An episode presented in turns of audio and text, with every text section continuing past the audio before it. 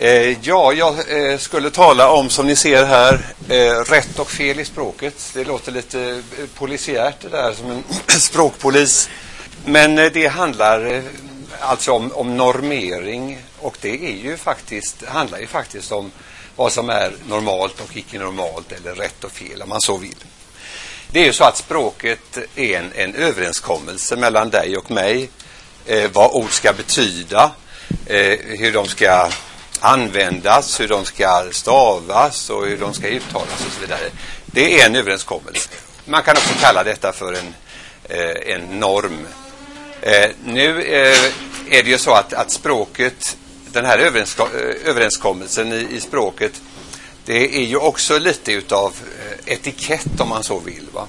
Det är ungefär som om man stavar ett ord fel så är det ungefär som man sticker kniven i, i, i munnen när man, när man äter. Vi har kommit överens om att, att så här ska man inte göra utan detta är det normala. Det är det som ligger i överenskommelsen så att säga. Detta är lite förenklat. Eh, vi har ju vissa synpunkter också på hur, hur eh, ordlistan eh, ska se ut och vilka förslag vi ska komma med. Men eh, lite förenklat är det så. Det allra flesta orden som finns i ordlistan de är ju rätt okontroversiella. Vi, man behöver inte slå upp om ett ord ska, eh, hur ett ord som stol och bord ska, ska stavas i svenskan. Eh, men det finns i, å andra sidan eh, rätt så många utländska ord som är, är besvärliga att stava till och då är det bra att ha en kodifierad överenskommelse kan man, kan man kort säga. Eh, nu är det så att, att eh, normering kan betyda två saker. Dels är det så att när ni köper en ordbok här och går och tittar i den så eh, betraktar ni det som står där för, ja, för, eh, för korrekt och riktigt och ni säger att ja, det står i ordboken och sådär. Det är en betydelse av norm. Eh, Eh, och den finns ju också när det gäller SAOL. SAOL betraktas utav väldigt många som en inofficiell norm när det gäller framförallt stavning och böjning. Men det finns ju då en annan syn på, på norm och det är vad vi som arbetar med ordlistan tycker är viktigt. Vi har vissa idéer om hur orden ska, eh, hur orden ska stavas. Och ibland är det inte Eh, är det så att, att eh, det, som står, det som allmänheten skriver och det som står i tidningar inte är precis det som eh, vi av någon anledning skulle vilja att man, eh, eh att man skrev. Men då är det så alltså att om vi bortser från de här idéerna så är det så att det råder en väldigt stor överensstämmelse mellan hur folk eh, anser att, eh, att man ska man ska skriva. Och i väldigt många fall så avspeglar akademins ordlista faktiskt bruket. Ta ett sådant fall som ska och skall som har varit eh, varierande sedan eh, 60-talet. När vi gjorde frekvensundersökningar då så var ska en liten eh, talspråklig form som användes då och då. Idag är den, den det, det, den största, det största hjälpverbet så att säga. Ska skriver de flesta idag. Och skall har redan blivit lite skriftspråkligt. Och då säger vi så här att det, det, har ingenting egentligen med ideologi att göra utan det är alldeles utmärkt. Ska föreslår vi såsom första form i SAOL helt enkelt eftersom det är den, det vanligaste sättet att skriva. Och det finns ingen anledning att säga att det ena skulle vara bättre än det andra. Däremot så finns det andra områden som eh, där vi kan ha synpunkter. Och det gäller framför allt eh, lånord från engelskan där det handlar om hur man ska, hur man ska stava dem och hur man ska böja dem. Eh, inom parentes så kommer jag att tala rätt så mycket om stavning här. Eh, inte så hemskt mycket om, om eh, ord, ordböjning. När det gäller alltså eh, stavning så vet vi att eh, de här orden som vi lånar från engelskan som har vad man kallar för ro kort rotstavelse, alltså som shop och bag och, och sånt där. Alltså i engelskan så, så eh, skrivs de på det sättet. Men vi i svenskan eh, skriver normalt med antingen lång vokal eller lång konsonant. Så vi skriver eh, ett ord som stopp som vi har fått från engelskan också. Det skriver vi med två p Självklart. Men när vi lånar in nya ord så är det ibland så att, att de fastnar i eh, en annan stad. Och vi har rätt så många ord från 50 och, och 60-talet som har stannat just i den formen. Eh, ett ord som, eh, som pop till exempel skulle väcka en viss förstämning om, om eh, man skrev det med två P. Eh, och ett ord som bag det är intressant, som vi alla känner igen och som har funnits sedan, sedan 60-talet. Det ordet eh, har i stort sett behållit den engelska eh, stavningen, det engelska uttalet också. Man säger inte bag idag faktiskt, utan man säger bag fortfarande. Så att eh, vissa ord har alltså stannat där. Däremot så eh, inträffar detta överraskande att när vi får ordet webb, till exempel, engelskans webb som skrivs med ett b i engelskan, eh, så eh, får de, har de eh, det ordet rätt så snabbt fått en försvenskad form med två B. Det är delvis tack vare eh, medveten verksamhet ifrån eh, språk, språkvårdens sida. Ja, detta är, detta är sådana såna fall som jag menar där man, där man kan ha synpunkter från SOLs sida hur, hur orden bör stavas. Man kan väl säga då att i önske scenariot så, så vill man anpassa orden till svenskan. Men det är inte alltid det går. Eh, om vi tittar lite grann tillbaka på 1900-talet så vet ni kanske att det fanns en stor stavningsreform 1906. Inte så hemskt stor kanske, en liten stavningsreform var det. Dessförinnan skrev man vad med HV och, och var med HV och sådär. Det fanns en del andra, andra saker. Om man tittar på 1900-talet i backspegeln så är det faktiskt så att svenska språket har varit, eh, när det gäller stavning, har varit väldigt eh, stabilt. Det har inte skett så väldigt stora förändringar. Och de förändringarna som har skett, de har framför allt varit knutna till lånord av olika slag. Lånord från engelskan, lånord från franskan. Eh, när det, om vi börjar med franskan så var det så att eh, redan i början på 1800-talet så föreslog eh, Carl Gustaf av Leopold i en, en, i en rättstavningsordlista att man skulle anpassa de franska orden till svenskan.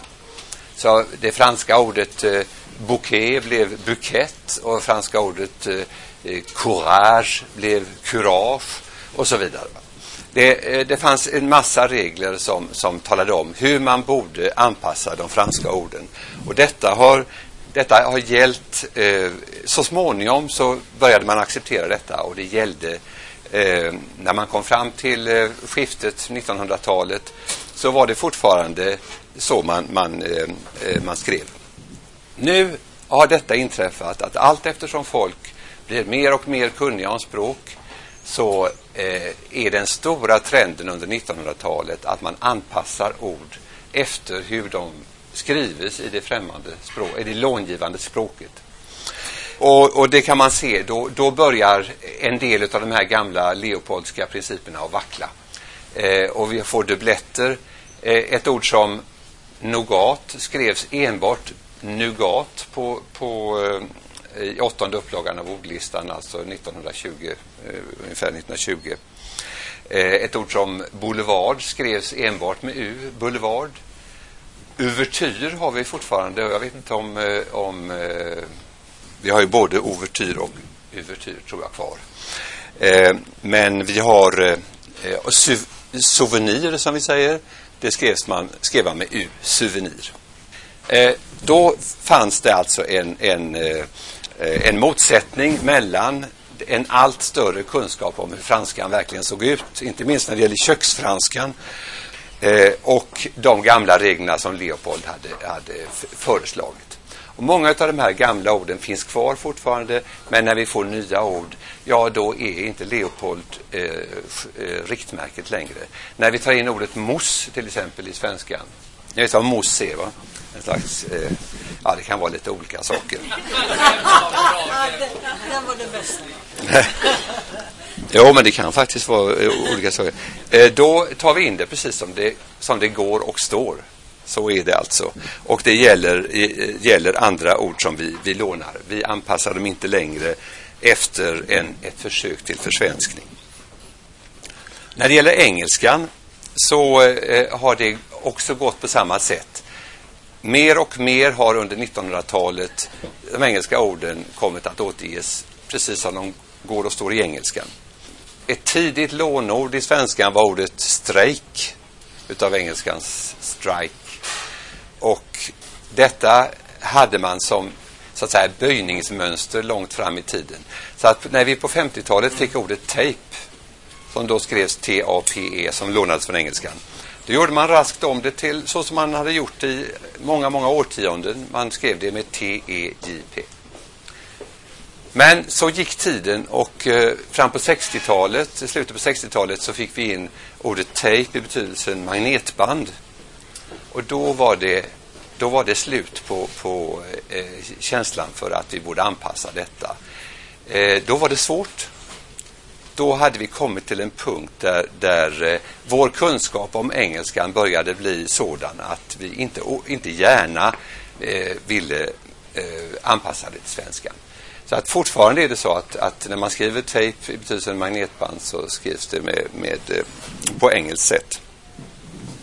Eh, nu eh, finns det faktiskt en fortsättning på den gamla eh, mer trohjärtade eh, Eh, anpassningsprincipen i svenskan och det är vissa ord som är särdeles besvärliga och, och eh, knöliga att hantera. Och det är eh, ord som har, eh, som har stumt e i engelskan. Det är, alltså, det är precis som tejp alltså. Eh, det kan vara date och det kan vara fake och det kan vara time. Alltså, vi, när vi gör om dem till verb så blir det fejka och tajma och så vidare. Va? Och hur ska man då skriva det? Ja, faka ser ju inte riktigt klokt ut. Och eh, tima ser mycket konstigt ut och betyder ju en helt annan sak i svenskan. För att inte tala om skata som betyder alltså skate, skata, åka skridskor. Skata kan man bara inte skriva alltså. Nej. Eh, och då, då blir det så att då griper man faktiskt tillbaka i dessa, denna nöd griper man tillbaka på den gamla principen i, i svenskan att vi kan anpassa det till uttalet faktiskt på svenskan. Och därför så eh, har man nu i, i ordlistan eh, eh, i det trettonde upplagan skrivit fejka och eh, dejta och eh, tajma. Vi har till och med när det gäller avledningen av tajma, ningavledningen, föreslagit tajmning alltså som, faktiskt som första form. Och det leder över till, till ett annat eh, engelskt fall och det är ing eller ning i, i avledningar till, eh, eh, till verb, alltså typen dumpning och, och, och sådär. Och, och eh, mobbning. Där eh, är det så alltså att vi går vidare på den vägen att vi anpassar till svenskan. Vi skriver alltså coachning som, som det normala eh, sättet. Vi skriver dumpning och vi skriver eh, mobbning. När det gäller rank, rankning så har vi med ranking fortfarande eftersom det finns i många sammansättningar. Det är ungefär som med, med shopping. Eh, att eh, även om man skulle kunna tänka sig att, eh, att använda eh, shoppning i, i verbalt sammanhang så är, har vi massa sammansättningar som skulle bli väldigt konstiga. Alltså shoppningsväska är särskilt eh, bra. Eh, så att det, det gäller alltså att, att göra det, det möjliga utav, utav de här förändringarna. och för att ett ögonblick bara gå tillbaka till de här orden med shop och bag och hit och alla de här eh, så eh, är de alltså, många av dem fortfarande svåra att, eh, att ge eh, dubbelkonsonant. Men vad som är mycket lättare det är faktiskt att ge dem denna dubbla konsonanten i den bestämda formen. Så att eh, även om shop ser lite konstigt ut med två p så är shoppen inte riktigt lika konstigt. Och det ser väldigt konstigt ut med, med shoppen med ett, med ett enkelt P också. Men eh, det är alltså så att i, i, bestämd form. Så att vi föreslår nu att man skriver till exempel gym med ett M men gymmet med två. Och det är faktiskt så som språkbruket eh, oavsett allt annat har, har eh, gått fram. Och vi har ju i svenskan eh, en nästan exakt samma princip. Vi skriver rum med ett M, men vi skriver rummet med två M. Så att det, det stöds väldigt väl av bruket. Vi skriver också eh, chippet med, med, med två P och vi skriver eh, till och med hitten när det gäller eh, en, en hit som, som eh, eh, pop, popmusik och, och, så, någon som slår.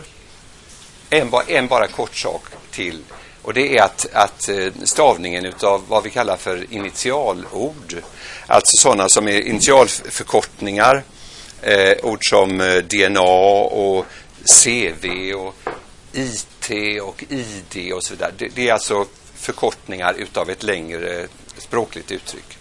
När de inte är namn, för att i namn så, så gör vi ingenting åt det, men när de inte är namn så eh, återges de idag eh, i mycket stor utsträckning med, med eh, små bokstäver. Och det har vi, vi har följt den linjen också.